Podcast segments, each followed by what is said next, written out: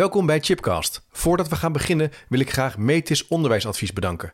Metis werkt elke dag aan hun missie: excellent beroepsonderwijs voor iedereen. Kijk voor tal van inspiratie, praktijkvoorbeelden en praktische tools voor docenten en onderwijsleiders in het beroepsonderwijs op www.metis-onderwijsadvies.nl. En vergeet ook niet de boekenkast van Chipcast te checken. Op www.managementboek.nl/chipcast vind je alle boeken die in de podcastgesprekken voorbij komen.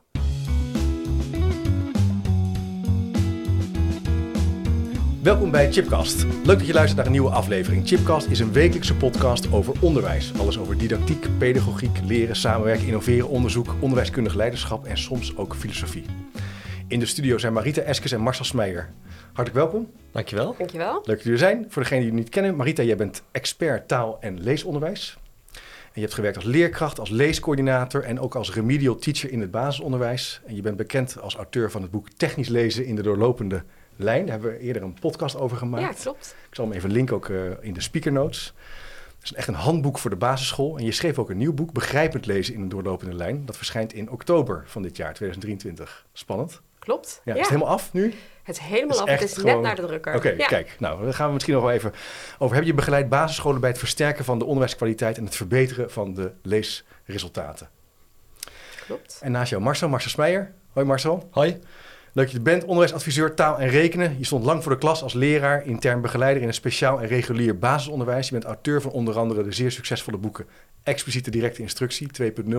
Staat hier allemaal in de kast. En bij mij thuis effectief rekenonderwijs op de basisschool. En bordwerk en aantekeningen, slow teaching in de 21ste eeuw. En recent verscheen bij Pico Expliciete Directe Instructie in het VO. Klopt. Dus je ja. bent ja, enorm uh, productief. Veel geschreven. Veel geschreven. Ja. Ja, en jullie hebben ook wat favoriete boeken meegenomen. Dus ja, dat is eigenlijk ook wel heel erg leuk. Dus we gaan een ontzettend leuke podcast opnemen, ja, denk ik. En die gaat over de vraag: wat zijn nou de meest gemaakte valkuilen tijdens het lesgeven? En hoe kan elke leraar nu de kwaliteit van zijn les verbeteren? Ik heb jullie verleid om daarover, ja, kijken of we een soort serie kunnen maken in dit gesprek van wat kan je nou doen? Want jullie komen op ontzettend veel scholen. Klopt, ja. ja. ja. Maar dat is ook wel een feestelijke reden waarom jullie nu samen bij elkaar zijn. En misschien is het ook wel aardig om daar iets, jullie daar iets over zeggen gewoon goed lesgeven. Dat klopt. Ja, wij gaan samen verder onder de naam gewoon goed lesgeven. Ja. Uh, met z'n tweetjes. Marita natuurlijk met haar kennis van uh, effectief leesonderwijs. Ja. Uh, en ik met mijn kennis van rekenen en het EDI-lesmodel. Ja. Klopt. Spannend, en, mooi moment. Ja, we delen denk ik heel erg onze onderwijsvisie.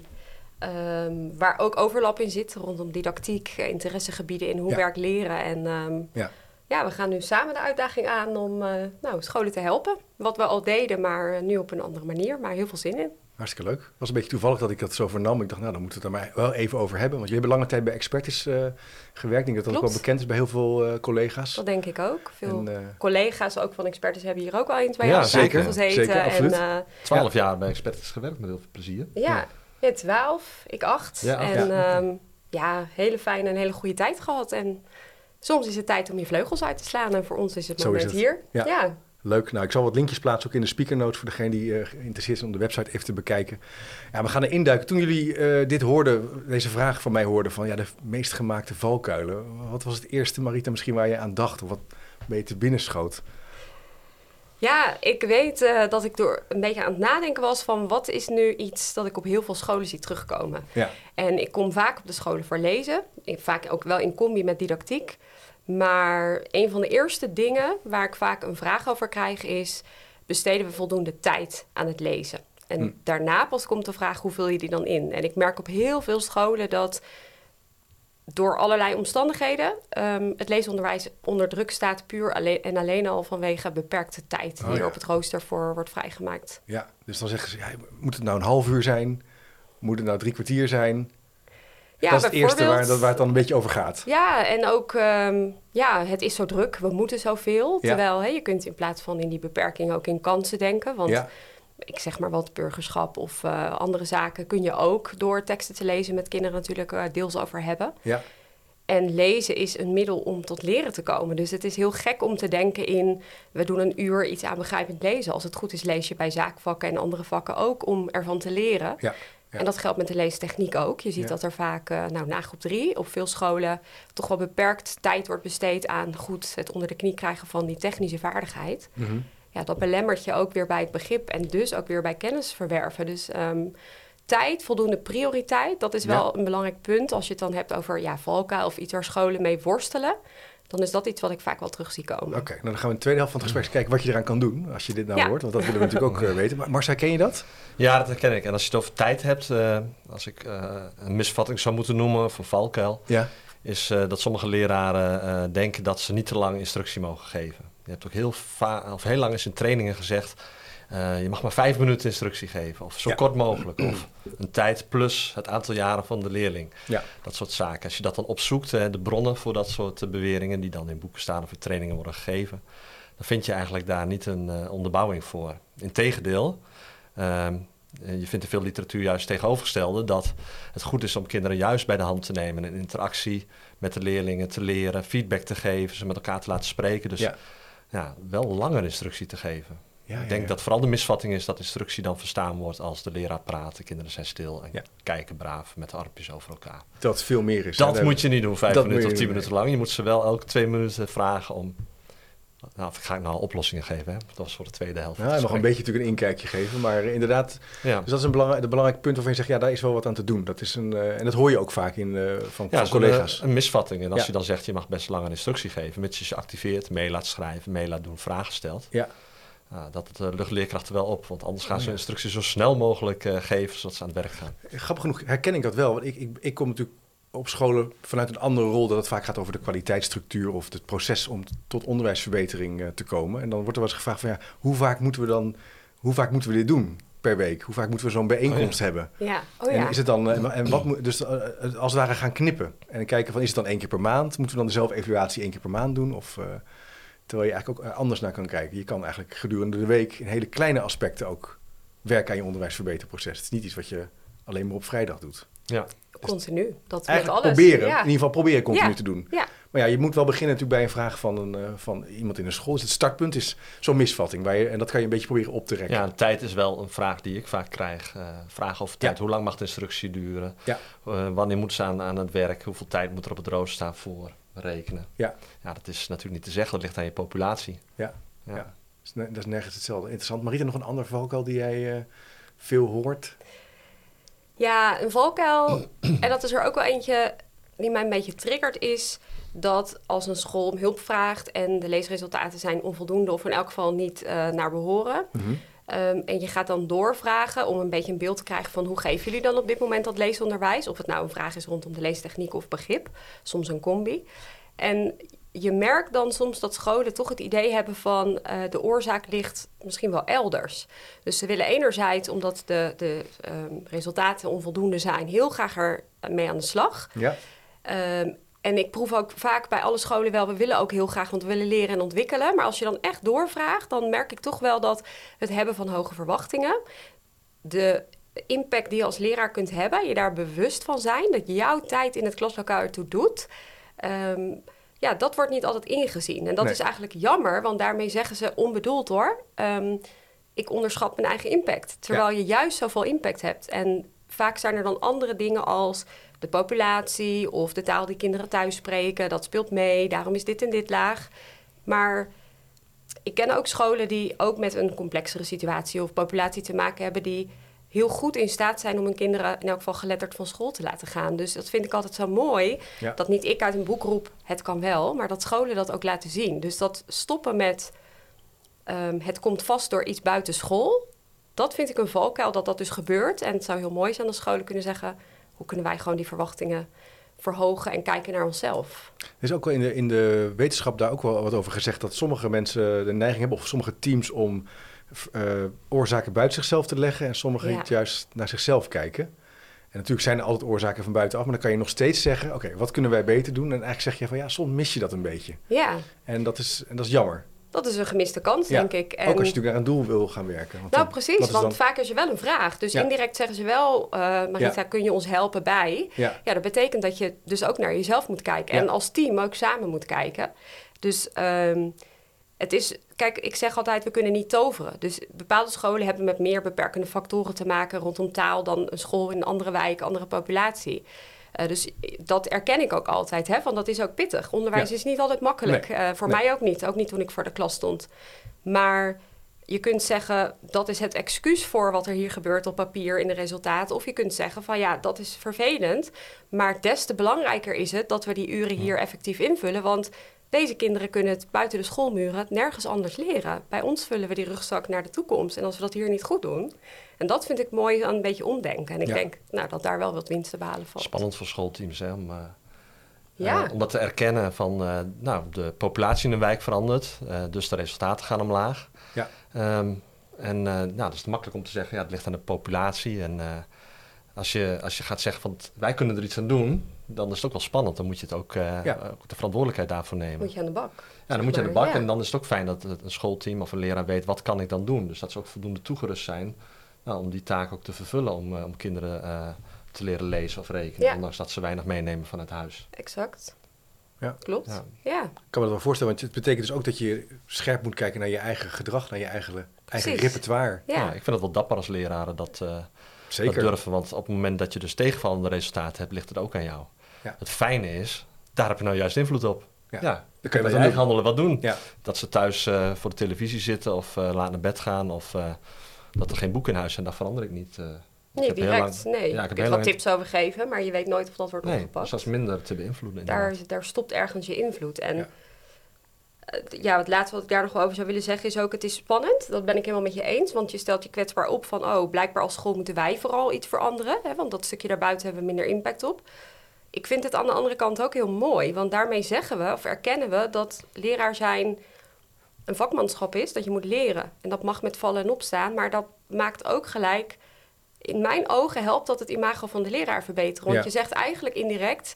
niet iedereen kan dat zomaar. Nee. En dat is Nee. ook eervol voor je vak. Ja, maar het is wel bekend dat bij, eh, als zaken niet gaan zoals ze willen gaan, of als je kritiek krijgt op, een, op hoe je presteert, dat mensen de neiging hebben om defensief eh, te Mhm. reageren. Dat zie je Mhm. natuurlijk in veranderprocessen ook. Dat zie je ook wel eens bij vergaderingen, kan je dat heel mooi observeren. Er zijn allerlei routines wel merkbaar. Ja, Grapjes maken of wegrelativeren. ja, Ehm, eh, afwachten, de, niet interveneren, gewoon niks zeggen. Mhm. En dat is vaak ook wel spannend om bespreekbaar te maken. ja. En dat soms in mijn rol probeer ik, probeer ik het wel te doen, want ja, daar, daar gebeurt het eigenlijk al. Ja. Dat is vaak ook een Het beetje. ook in de cultuur dus. Het is ook een beetje in de cultuur. Ja. En eh, vaak zijn er eerder natuurlijk ook wel eens dingen geprobeerd die dan niet zijn gelukt. En dan kan je ook echt pessimistisch zijn. Of het, ja, en dan ga je een beetje zoeken naar verklaringen om toch je eigen gedrag te verantwoorden. ja. Klinkt een beetje duister als ik het zo zeg, nee, maar het ik gebeurt snap wel. wat je bedoelt. Ja, wel. dat is denk ik wat ik af en toe zie gebeuren. En, Ja. en laat duidelijk zijn, niet dat een leraar dat expres doet. Hè. Dat is gewoon hoe nee, mensen, ik ook, en zo zitten we in elkaar. Zeker, ja. Ja. Ja. Nou, en het, jezelf inschatten is ook best lastig. Hè. We weten ook wel dat eh, leraren, eh, als die zichzelf moeten beoordelen, dat ze, als de lessen niet heel goed zijn, dat ze al snel denken, ik geef heel goed les. Of Ja. ik doe veel EDI-trajecten. Ja, ik, eh, ik doe heel veel eh EDI-technieken en lesfasen. En ik gebruik wisbordjes, ik geef willekeurige beurten. Dus ik geef een goede les. Het is best lastig om jezelf goed in te schatten. We weten ook wel uit de literatuur dat leraren die niet zo goed lesgeven, al snel denken dat ze heel goed lesgeven. Ja. Hè, Dunning-Kruger-effect noemen we Ja. dat. Ja. Dus eh, zelfoverschatting doen vanuit weinig kennis. Dus hoe meer kennis je hebt, hoe meer je ook weet, oh, dat kan ik nog verbeteren, dat kan ik nog verbeteren. Ja. Is dat ook een valkuil? De gebrek aan kennis? Gebrek aan Nou ja, kennis over didactiek, over pedagogiek, zeker. over, over lezen, over rekenen? Je kunt jezelf minder goed inschatten als je weinig kennis hebt. Maar je hebt ook niet de tools om het aan te pakken. En dat kan voor heel veel onzekerheid Ja. zorgen. Dus je moet wel kennis hebben. Hoe ga ik dan wel zorgen dat deze kinderen, ondanks Ja. hun grote problemen thuis, leren lezen of rekenen? Ja. En daar eh, moeten we eh, leerkrachten bij helpen. Daarom is het ook zo belangrijk dat er zoveel mooie publicaties eh, zijn. Dat deze podcast bestaat. Dat je, nou, ik vind het echt heerlijk hoeveel kennis er beschikbaar is. eh, is veel te halen, hè? ja, nou, dat was in mijn tijd. Toen ik begon te Positief. pabo anders. Ik was afhankelijk van de orthopedagoog of Ja. van, van een vakblad wat af en toe voorbij kwam. En nu kun je overal die kennis halen. Ja, Het klopt. is zo rijk. Social media, de Twitter-bubbel zeggen we natuurlijk ook wel eens. Hè? Gewoon tips van leraren die hun mooie lessen, teksten, succeservaringen Facebook, delen. allerlei dingen. Maar je zou Maar- kunnen zeggen dat die analyse waar je net over had, als je dus bij gebrek aan kennis, ga je ook verkeerde conclusies trekken. En Dat ga je, gebeurt, ja. Ga je analyse buiten jezelf leggen. Dus je hebt die kennis is een heel belangrijk Ja. punt. Het is Ja. alweer een tip, maar dat is een valkuil. Dus ook Het is ook een valkuil, want ik denk dat we nou, allemaal in Nederland een beetje de rapporten kennen over hoe we ervoor staan. Het gaat niet alleen om lezen, maar gewoon de kwaliteit van het onderwijs. En ehm, we roepen ook met heel veel mensen al heel lang het onderwijs. Hè, het mag wel weer een tandje beter, Ja. we moeten met elkaar aan de bak. Maar eh, nog steeds spreek ik heel veel startende leraren die het best heel lastig vinden om, eh, om goed les te geven. En die zich ook gewoon nog helemaal niet voldoende competent voelen. En ik denk dat daar ook wel een taak ligt voor opleidingen. Mhm. En ik wil Mhm. ze zeker niet allemaal over één kam scheren. Maar ik denk wel dat er de komende jaren best nog kritischer gekeken mag worden naar hoe we studenten opleiden. En welke basiskennis vinden we nu eigenlijk dat er bij de studenten in de rugzak hoort. Net als dat we dat in het basisonderwijs bekijken. Wat moet er bij die leerlingen in de rugzak? Ja. Want het zijn wel de toekomstige leraren die onze toekomstige generatie kinderen ehm, moet grootbrengen en, en geletterd Ja, die, kennis, die kenniscomponent is heel belangrijk. Dat Ja. die goed georganiseerd is. Eh, maar je zou kunnen zeggen, ehm, nou, er zijn toch gewoon methodes in Nederland. Die kan je gewoon inkopen. Eh, dan leer je goed lezen. Dus Ja. goed, volg je de methode. zou fijn zijn Zou als het zo zijn? makkelijk maar was. zo makkelijk is het waarschijnlijk niet. Nee. Hoe, hoe, hoe ervaren jullie dat? Nou ja, de methode is natuurlijk wel belangrijk, omdat die natuurlijk de leerstof al mooi verdeeld hebben over de Ja. leerjaren. Ja. En ook ervoor zorgen dat, eh, dat kinderen allemaal hetzelfde aanbod hebben, zodat ongeacht de afkomst je weet, nou, de kinderen leren deze spellingcategorieën, deze rekenregels. Dat, dat, eh, dat vind ik er heel belangrijk aan. Maar ehm, je hebt dan de doelen van de methode of eh, de leerlijn. En, maar vervolgens heb je de kinderen tegenover je zitten die het al weten omdat ze eh, uit een hoogopgeleide familie komen of heel veel moeite ermee hebben. Ja. Dus jij als leerkracht moet vervolgens die methode vertalen naar de groep kinderen die je op dat moment voor je hebt. Dus je moet durven om dan eh, iets over te slaan of juist iets eh, verder te herhalen. Of je Mhm. leert het uit te breiden of juist iets niet te doen. Dingen die ik wel merk in mijn training is dat leraren dat wel lastig vinden om dat te beslissen. Ik ga nou mijn klas vast aan het werk zetten, want ik weet dat ze het kunnen. Heb ik net gezien toen ik de opdracht gaf. Mag dat dan wel? Want ik moet wel eh, de Ja. methode volgen. Ik moet wel de stap van Edi volgen. Ik denk dat expertleraren die stap kunnen maken. Dus die kunnen afstemmen. En dat is wel... Afstemmen. Ja, dat heet afstemming. Ja. Eh, vroeger noemde dat volgens mij differentiatie, maar dat woord mag niet meer volgens mij. Ik zag in die eh Oh, nee? monitor leskwaliteit van de onderwijsinspectie zag ik dat het afstemming wordt genoemd. Mhm. Oftewel, eh, je stemt je instructie af op de groep die je voor je hebt. Ja. Oftewel, Ja. minder, eh, minder, veel, minder voorbeelden, eerder aan het werk zetten, verdieping geven of juist verlengen. Ja. Dat zijn de meest elementaire beslissingen die je op basis daarvan kunt nemen. Spannend om dat, om dat te doen in een les. Dat Ja. is het ook. En ik denk dat, dat het stuk kunnen afstemmen, zoals jij dat zo mooi zegt op je groep, dat dat een lastige is. Ik had hem ook bij Valkuil opgeschreven, hè, Ja. van daar hebben we dan toch lesmethodes voor. Ja. Wat mij opvalt, eh, en ik ga geen voorbeelden noemen, want ook hierbij heel belangrijk, ik wil niet alle methodes over één kam scheren, maar het didactisch kompas is voor mij dan een handleiding. Dus even los van de boeken die kinderen voor zich hebben. Mhm. En dat didactisch kompas, dat is gewoon vaak eh, niet eh, effectief opgebouwd om een leraar te helpen om die les, als je dan toch weinig nog zou weten, of je komt net van de opleiding af, als je dan dat lesplan volgt, dan geef je niet automatisch een best effectieve les. Alleen heb je, ben je vergeten om af te stemmen. Ja, ja. Het zit hem überhaupt in logische keuzes. Hè? Dus veel methodes bijvoorbeeld beginnen met... vraag eens aan de klas. hm, hm, hm. Nou, eh, de klas moet het nog leren. Dus wat check je dan? Hè? De voorkennis bij sterke leerlingen. En bij leesmethodes ehm, nou, maak ik me er soms zorgen om... dat ik denk, zet de handleiding voldoende aan... tot het maken van voldoende leeskilometers. Van werkvormen waarbij alle kinderen actief heel veel kilometers maken. Of vragen die bij teksten worden gesteld... zijn ze tekstgericht? Worden de kinderen aangezet om echt de inhoud te doorgronden? Dus Ja. methodes kunnen, een, een, wat jij ook heel mooi zegt, een soort fijne leidraad zijn. Je hebt houvast. Ja. Ik ben ook niet standaard heel zwart-wit in bij lezen. Gooi ze juist maar aan de kant. Want heel eerlijk, als je dus niet voldoende kennis hebt... en je kunt niet nog die zelf die lijn bouwen... dan is er niks. En dat vind Nee. ik een nog veel groter gevaar. Dus het is een leidraad.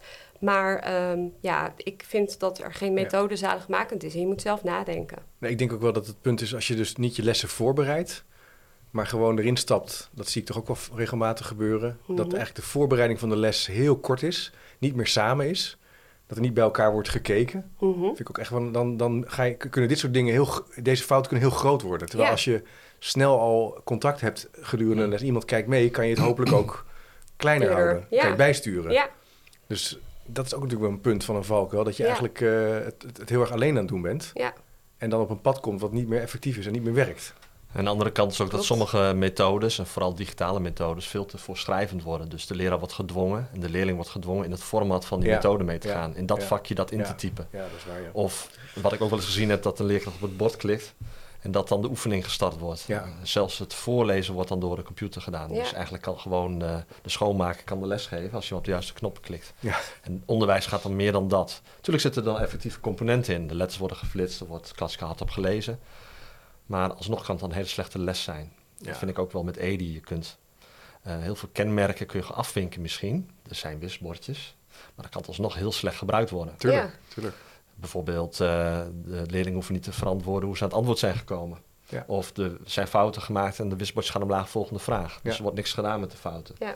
Dus, niet uh, het middel maakt natuurlijk ja. de les effectief. Hè? Het is Ja. meer ook wat doe je met de informatie die het je oplevert. Ja. Waarom zet je ze in? nou, dat is de leerkracht. De leerkracht Precies. moet dat vertalen, die Ja. methode, die leerlijnen naar de, naar de kinderen. En dat, Ja, Ja. dat is vakmanschap. Of, absoluut. Dat Ja, dat is het zeker. Ja, dat zie je natuurlijk ook bij, eh, bij een tuinman of een timmerman zie je dat ook. Die goed zijn gereedschap kan gebruiken. Ja, Dus het is een totaal andere eh, wereld kom je dan in terecht als iemand Ja. die heel rommelig is en wel al het gereedschap gebruikt. dat is een mooie, mooie vergelijking Ja, inderdaad. dat zie je gewoon. Je Ja. voelt het ook vaak wel. Een vakman die met, eh met oude, eh, oude eh, gereedschap komt, die het beter voor elkaar Ja, krijgt dan ja. ik met, met spliksplinternieuwe Ja, gereedschapskisten. Ja, ja, je tablet en Ja, alles ja, en zo. ja. En, eh, ja, ja. in mijn nieuwe boek zit een eh, afbeelding eh, gemaakt door de illustrator... eh, die ook weer heeft getekend eh, naast technisch lezen, nu voor begrijpelijk Ja. lezen. Ja? En in dat nieuwe boek zit een afbeelding van een gereedschapskist. Omdat je binnen een boek over begrijpelijk lezen kun je niet standaard tegen een leraar zeggen: een les ziet er altijd van A tot Z zo uit. Nee. Dat hangt van de tekst af, van het onderwerp, van de kinderen. Is er al voorkennis? Is het tekst 6 over dat thema of is Mhm. het de eerste? Mm. Maar je kunt wel aangeven: deze gereedschappen werken of zijn over het algemeen effectief. Ehm, en je moet dus afhankelijk van of er al voorkennis is of niet. Of kinderen zelf goed kunnen lezen of niet. Hè. Je moet dan die gereedschappen inzetten in de lesfase of op het moment dat ze ertoe doen. Dat is nou net ook het lastige. Maar er zijn wel algemene gereedschappen. En dat vind ik altijd ook wel heel belangrijk. Dat geeft houvast. Dat geldt Ja. voor didactiek, EDI, maar ook binnen vakdidactiek, Ja. lezen, rekenen. Ja. Hey, soms discussiëren we ook nog best heel veel over wat er werkt of niet. En dat vind ik altijd een soort van tijdverspilling, in mijn opinie hoor. Omdat we weten zoveel over wat er in het algemeen werkt. En daarmee beweer ik niet dat dat in elke les werkt. Maar ik vind wel dat je vanuit de gemeenschappelijke gereedschapskist naar onderwijs kunt, kunt kijken. Nou, daar wordt best veel discussie over gevoerd natuurlijk. Ja, maar dat heeft ook weer met kennis te maken. Als je minder weet, dan kan je ook gaan twijfelen over veel Ja. zaken. Ja. Terwijl als je veel leest, veel weet, Ja, en dat, is is ook belangrijk om te Ja. beseffen, beginners en experts. Zeker. Eh, beginnende leraren, eh, die, eh, nou, dat is heel goed voor dat die een, een lijn volgen. Dat je eerst gewoon zo'n leerjaar gewoon aan de hand van de methode doet. Dat je Ja. weet, dit zijn de doelen, hier werk ik naartoe, zo kan ik dat aanpakken. Terwijl een expertleraar kan veel meer eh, vanuit de lijn werken, denken, dit sla ik over, dit Ja. doe ik erbij. Ehm, dus ik denk ook dat afhankelijk van de kennis van de leraar, de hoeveelheid kennis, beginner of expert, je ook meer of minder ondersteuning moet inbouwen. Ja, Duidelijk. Mooi. Laten we eens even kijken of we een draai kunnen maken naar de tips. En misschien kunnen we een stapje zetten eh, door eens een boek erbij te pakken. Jullie hebben wat favoriete boeken meegenomen. Eh, Marcel, je hebt een, eh, een beetje een flink gelezen boek Ja, mee met, het, met stickertjes. en misschien zullen we daar eens mee beginnen? Ja, dit is een boek wat ik gebruikt heb voor mijn afstudeerscriptie op de PABO Ah, in de jaren kijk. 90. Het heet Effectieve Instructie en Doelmatig Klassenmanagement. Ja. Het is een klassieker van Simon Veeman en, en zijn collega's. Ehm, ja, ik vind het heel leuk om oude boeken te lezen, zoals je weet. Eh, Zeker, zeker. En eh, ja, hier staan heel veel praktische tips nog steeds in. Eh, ik pak het er regelmatig bij, dan denk ik van ja, dat zijn wel, wel belangrijke inzichten. Ja. Ehm, die dan ook weer in moderne boeken terugkomen, dan weer anders geformuleerd of beter wetenschappelijk onderbouwd. Ja. Ja. dus ja, ik vind dit ook een hele mooie, bladzijde 102. Kinderen vergeten. Het is daarom noodzakelijk dat leerstof wordt herhaald. En dan zegt hij, je moet eh, regelmatig leerstof herhalen met periodieke terugblikken. Dus eh, elke maandag de eerste 20 minuten van de lestijd besteden aan herhaling van de leerstof. Zo, ja, ja, ja. Of eh, behalve de wekelijkse terugblik is het ook belangrijk om iedere vierde maandag de eerste 45 minuten te besteden aan herhaling. Wauw, wat, Ja. waar haal je die tijd vandaan, denk je dan, hè? ja.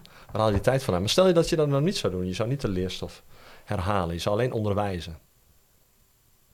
Dan is maar de vraag: heb je waarschijnlijk wel je, je doelen kunnen onderwijzen? Want dan heb je dus een Ja. soort van meer tijd, even denkbeeldig. ja. Maar zit het Maar de vraag kopjes? is Zit- of ja, er geleerd is, Ja. duurzaam geleerd. Ja, of het in een En- lange termijn geheugen zit, om het even heel cognitief te zeggen. Zeker. Het is heel grappig, of nee, niet grappig, maar het is heel interessant. Want ik sprak eh, vorige week met deze mevrouw.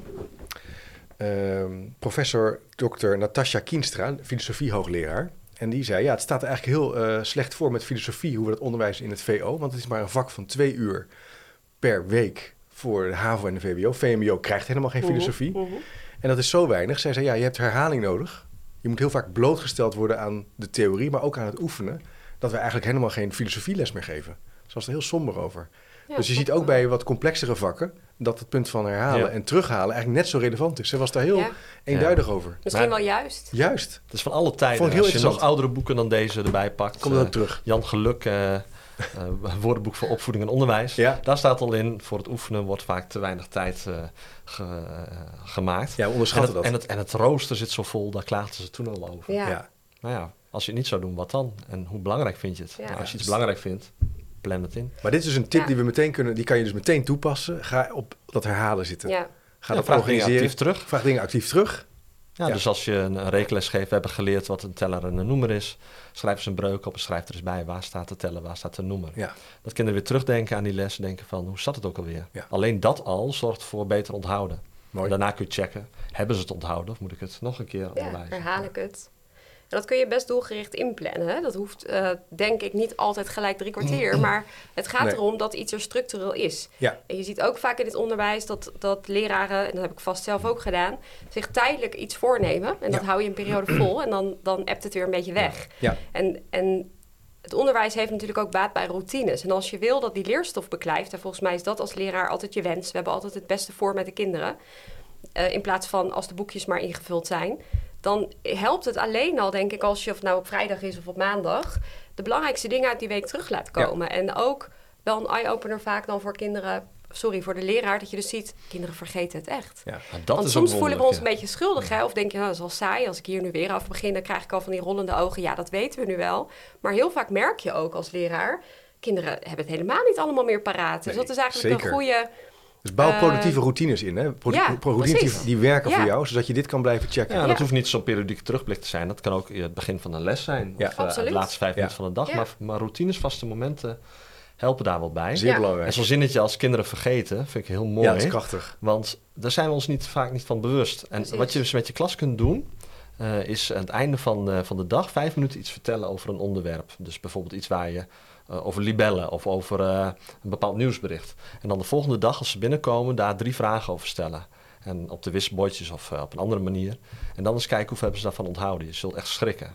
Ja. Hoe weinig er onthouden wordt als je het niet herhaalt. Ja. En als je dat beseft, dan kun je ook eh, ervan overtuigd zijn... ik moet die herhalingsmomenten Ja, inbouwen. ik hoop ook heel erg dat, dat er naar deze podcast wordt geluisterd door docenten ook op de universiteit en hogeschool. Want ik ben zelf bij echt een hoedje geschrokken sinds ik ook in aanraking ben gekomen met jullie en dan langer natuurlijk bezig gaan met curriculum eh, en didactiek. Mhm. Hoe, dat studenten, dat geldt voor studenten ook, geldt Ja. voor mij ook. Als je het niet herhaalt, zakt Nou, het gewoon weg. Precies. Ik wilde eigenlijk inderdaad Ja, ook net zeggen, van, is- want het geldt voor leerlingen omdat we het nu even over onderwijs hebben, maar dat geldt voor ons net zo. Ja. En wij zijn ook een leerling. Als ik een, een boek lees in het Engels eh, en ik heb het helemaal doorgespit, nou in dit boek hier zitten maar ook allemaal eh, notities en blaadjes in. Ja, Ehm, als ik het later weer terugpak, dan kan ik zelfs verbaasd zijn over mijn eigen notities. Dat ik dacht, nou, best mooi samengevat, maar ik ben me daar gewoon niet meer van bewust. Ja. Je vergeet details. Lees Er blijft er een beetje rode draad over alleen. maar je hebt dus dit boek meegenomen, The Reading Mind. Prachtig boek. The Reading Mind, ja. En wat Van is Daniel daar, Willingham. Ja, van Willingham. Wat is daar voor jou eh, een belangrijke kern in die we naar een tip kunnen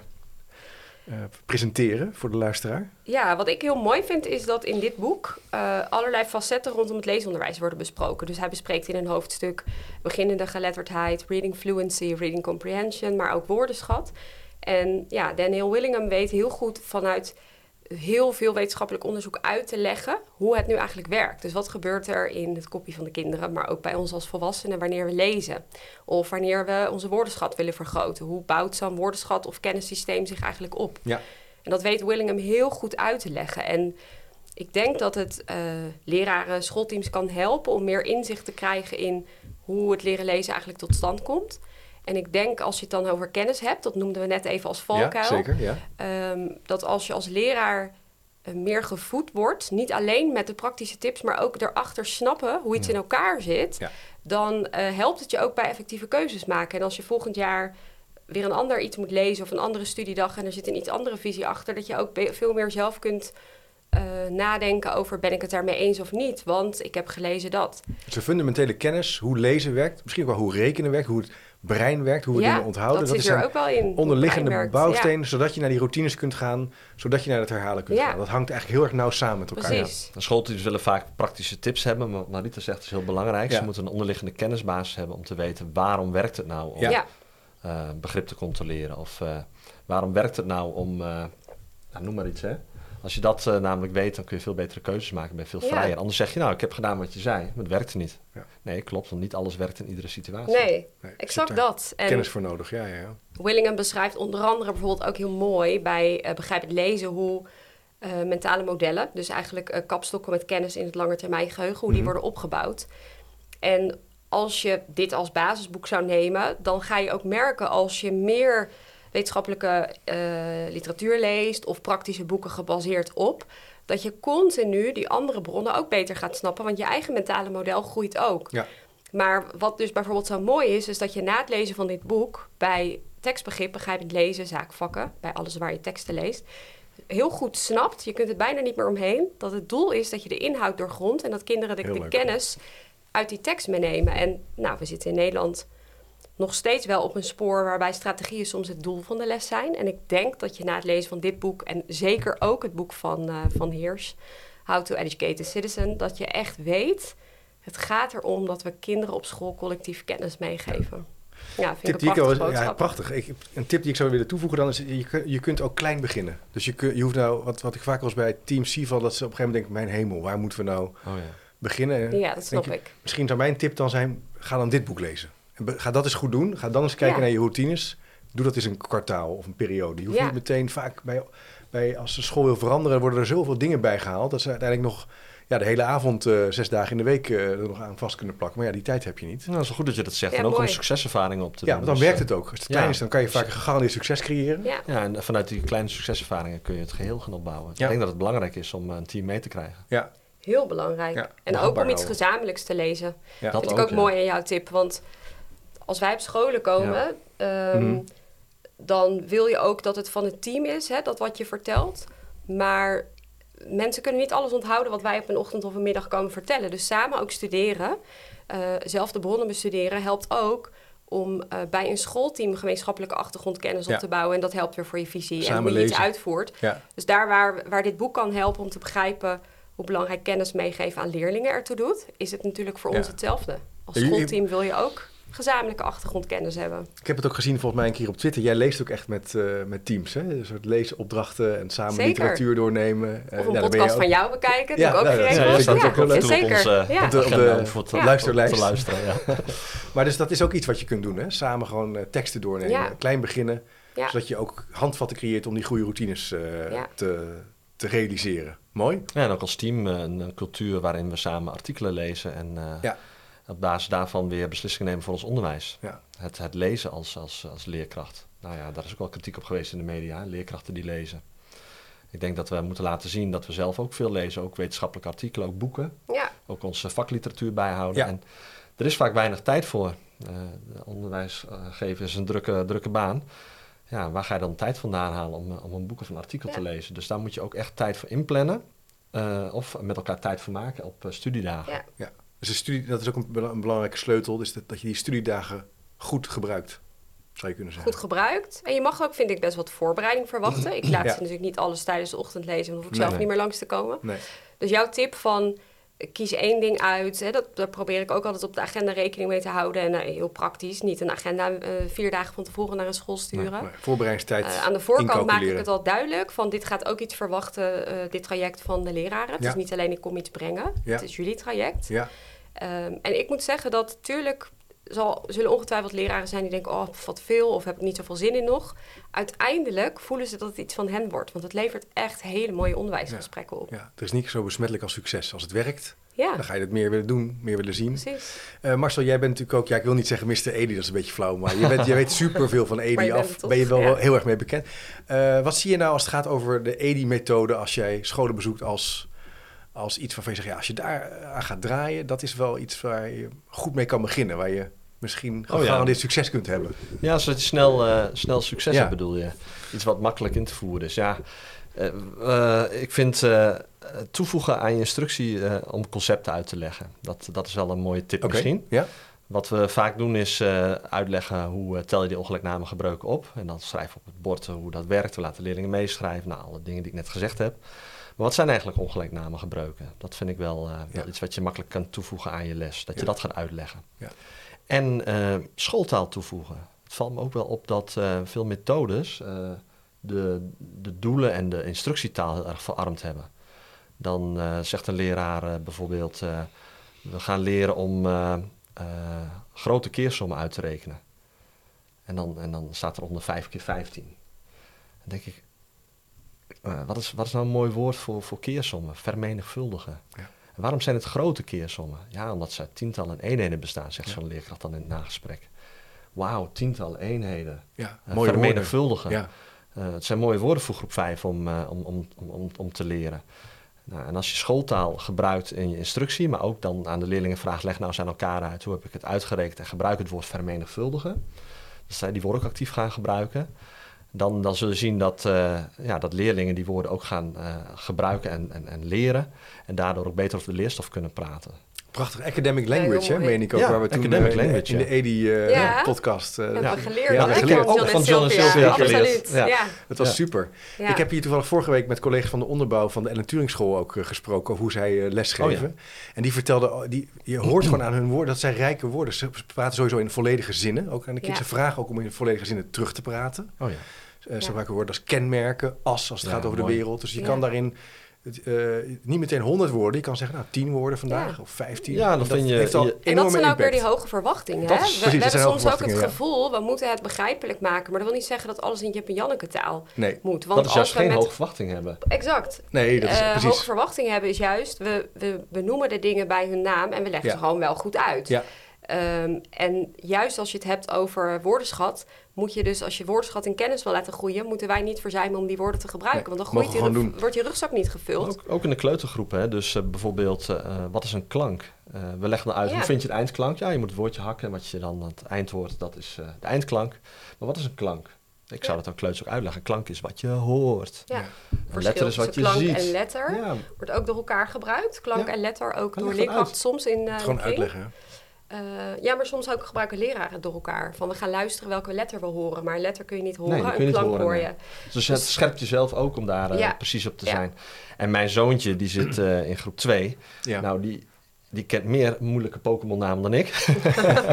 en die zou dan niet een woordje als klank kunnen leren. Of, eh, of, eh, of buurgetallen. Of Ja. eh, nou, de mooie woorden die jij net zei. Ja. Moet je eens voorstellen dat kinderen daarmee thuiskomen. En Ja. ehm, ja, die woorden op school leren. Want waar leren ze een woord als samenvoegen? Waar leren ze een Ja. woord als klank? Niet thuis. Ja. Nee. En als ze op school er niet aangeleerd worden omdat we daar in de, in de kinderwereld blijven, ja, dan? dan, dan, Ja. vooral de kinderen uit lager opgeleide milieus eh, Mooie worden tip. dan gevangen Ja. in, een, eh, in, een, Ja. in een leefwereld waar ze nooit uit kunnen komen. Ik zou er nog wel een mooi voorbeeldje aan willen toevoegen, wat daar heel erg bij aansluit. Een school in Utrecht waar ik jaren betrokken bij was. Ja. Ehm, zij werken met een populatie waar de kinderen over het algemeen gewoon geen Nederlands spreken als ze op school komen. Oké, ja. En eh, in groep 3 hadden zij een project vorig jaar rond oktober, november rondom eh, dieren, uilen, als ik het me goed herinner. Kinderen maakten een labboek. Teksten werd- werden voorgelezen begin van het jaar, maar later ook stukjes meelezen. Hoge verwachtingen, kijk maar of dat al lukt. En kinderen leerden over verschillende uilen en ook over de cyclus van de uil. En in dat labboek zat een, een afbeelding geplakt als in aantekeningen om leerstof terug te kunnen halen. En die kinderen spraken dus tot twee, drie jaar daarvoor geen Nederlands. En ik kom de les in, de leerkracht opent de les en zegt tegen de kinderen... we gaan zoiets leren over een nieuwe uil, de bosuil of noem een uil. Maar bekijk eerst even je labboek, sla hem open. Zonder te praten kijk je naar de cyclus van de uil. Daarna ga je in je groepje aan elkaar vertellen wat de stappen ook alweer waren. En gebruik nou, de woorden... hm, hm, hm. En al die kinderen in groep 3 die deden dat. En ik word daar heel blij van. Niet alleen omdat ik denk wat fijn voor de kinderen, maar ook kijk nou eens Nederland, zo kan het dus ook. Ja. Ja. Dus niet in die beperkingen denken. En dat vind ik heel knap. En ook wat jij zei, dat kinderen zelf die woorden gaan gebruiken. Want Ja. eh, soms gebruiken ze als leraar, maar hoeven kinderen ze nooit eh, uit te spreken. Nee, dus wat jij net zei, eh, wil je nou eens aan elkaar uitleggen of wil je aan jezelf vertellen en gebruik het woord eenheden Ja. en tientallen of gebruik het woord vermenigvuldigen Precies. of gebruik het woord klank. Ja. Dat is mooi als kinderen die woorden gebruiken. Ze gaan ze niet leren als ze alleen de woorden van de leraar horen. Dat is een mooie tip. Ehm, hoe kijken jullie nou aan naar, het, eh, naar eenduidigheid in de school? Dat, elke, dat er dezelfde routines zijn door de hele school heen. Dat zou natuurlijk wel uniek gezegd het beste zijn.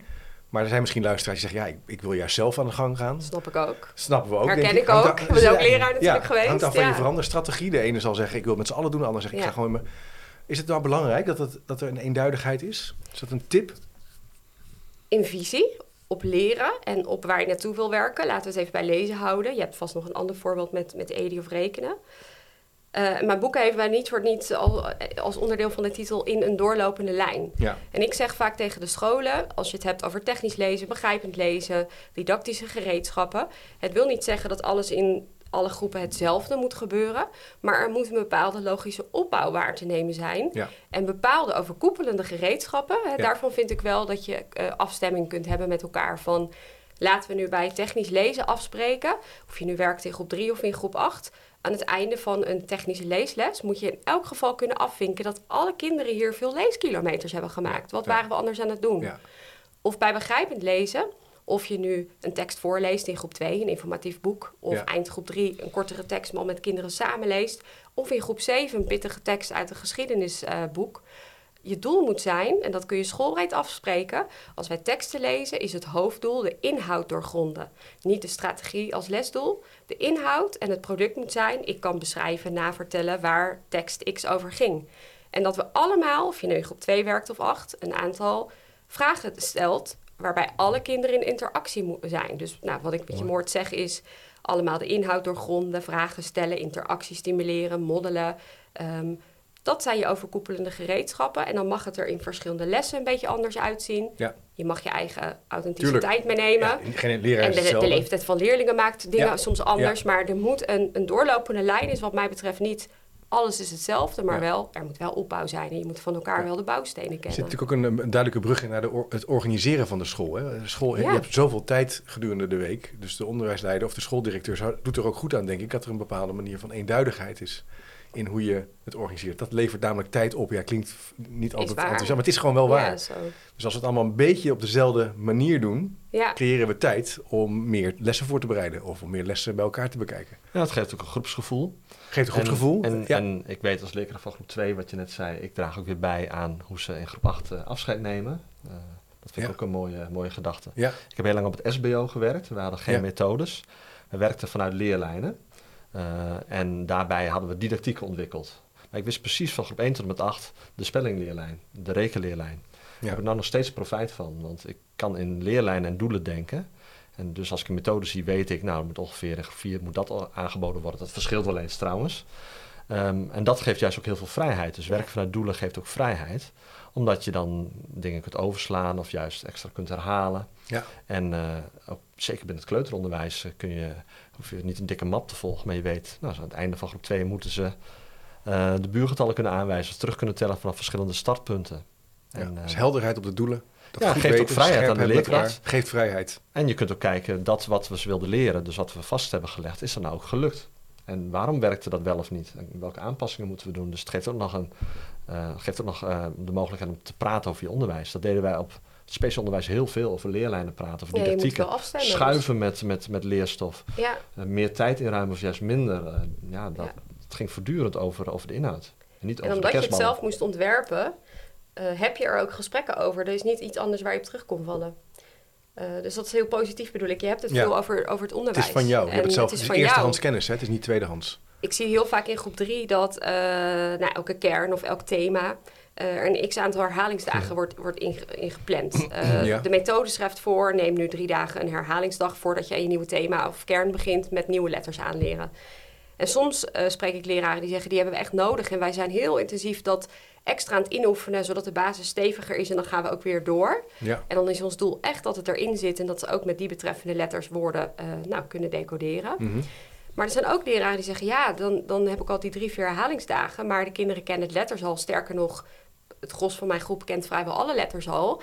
Mag je daar ook mee spelen? Heel graag mag je daarmee Ja. spelen. Ja. Dat is ook uh, ja, wat jij net zegt. Bijzonder hè, die vraag. Je krijgt het ook vaak. Mag, Ja. mag ik dit doen? Mag ik dat Ja. overslaan? Moet ik... Moet ik eh, Er is een onzekerheid. ja, de jullie fase, ook. moet ik die wel doen? Ja. Of jij, als ik een voorbeeldles geef, heb dat niet Ja. gedaan? Kan dat wel zomaar? Ja. Dat moet toch? Precies. Het gaat uiteindelijk om met elkaar doelen bereiken. En eh zorgen dat alle kinderen eh, zoveel mogelijk eh, ja, de stof kennen. En goed kunnen ja. lezen, schrijven, rekenen. Leuk. Vind het wel goed trouwens dat ze die vragen durven stellen. Want ik vind Ja, ook wel, zeker. als je daar onzeker over bent of je Ja, moet je twijfelt... iemand hebben aan wie je het dat kan zegt voorleggen. dat je het blijkbaar wel heel graag heel goed wil doen. Ja. Maar je hebt behoefte om dat wat je voelt Ja. even eh, Ja. t- nou ja, tegen iemand te kunnen vertellen die met jou mee kan denken. Dus ik vind, ik vind de doen. vragen niet gek. Voordat Nee. nu een luisteraar denkt, oh dat mag ik nooit meer aan Marita vragen. Dat mag je juist Nee, juist. Maar vragen. dat is misschien juist wel een tip. Stel, stel gewoon de vragen die je hebt over je, over je Ja. les. Dat Ja, heel ook je goed. gevoel daarin. Ja. Dus als jij, ik kan, jullie fase kan ik eigenlijk overslaan, dat voel ik, want ik zie Ja. dat ze het kunnen. Maar ja, volgens die stappen, je mag het niet. Dat vind ik dus Ja. juist dat je nadenkt. En, en, dan nog durven. Dat is wel spannend, merk ik. Ja. Nou, en dan zou je een keertje denken, een voorbeeld extra had vandaag toch wel handig geweest. Yes. Uh, van één keer zo'n dag dat je dat denkt, daar is niet gelijk je hele rekenonderwijs of leesonderwijs Nee. mee omgevallen. Nee. Het gaat erom dat je ook weer reflecteert en denkt: hé, hey, een volgende keer moet ik misschien toch eerst nog een extra voorbeeld geven. Kijk hoe dat dan weer uitpakt. Je gaat er toch wel mee spelen als je de kennis hebt. Zullen we nog eens twee tips doen? Van jullie allebei één. Misschien aan de hand van eh, het laatste boek van meneer Hirsch. Een zeer oude, oude heer die natuurlijk een prachtig boek heeft, heeft geschreven. Zeker, ook in ja. Nederland is geweest, al een paar jaar geleden. Ja, How to Educate a Citizen. ja. Wat is nou hier uit te halen als het gaat over lezen of over kennis in het onderwijs? Een tip die je kunt geven? Ja, als ik denk aan deze auteur, dan denk ik direct: het gaat om gemeenschappelijke kennis Ja. en samenhang Ja. binnen kennis. Ja.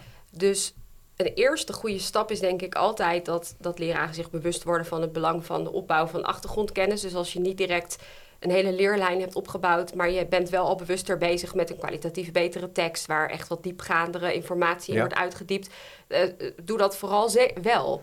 Alleen een volgende stap is denk ik, en dat is een schoolproces, om je bewust te worden van wat is de gezamenlijke kennis die wij binnen dit klaslokaal, binnen deze bouw en binnen deze school aan onze kinderen meegeven. En nu hebben wij heel veel dingen in, in hokjes weggezet. Nou, zeker het begrijpend lezen. Ja.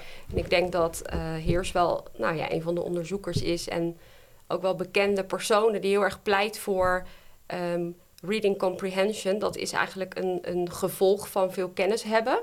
Maar de vaardigheid om goed met begrip te kunnen lezen, die ontwikkel je ook door eigenlijk bij al die vakgebieden gewoon kwalitatief goede teksten te, te lezen. Dus gemeenschappelijkheid, Ja, samenhang. ja. Prachtig. eh, En, en Heel dus mooi. daar kan je het ook over hebben met elkaar. In hoeverre hebben we dat met elkaar gerealiseerd? En in mijn nieuwe boek hoop ik, maar Ja. dat mogen jullie, je luisteraars, leraren straks zelf beoordelen, om dat praktisch een beetje in te richten Oh. voor leraren. Ja, Hoe ze vanuit zaakvakken in combi met lezen, jeugdliteratuur, dat leesonderwijs veel meer eh, tot ook het overdragen van kennis kunnen maken. Hoe je dat schoolbreed doet, in stapjes. Want het kan ook afschrikken, hè, dat je gelijk helemaal daar wil staan. Dat hoeft helemaal niet.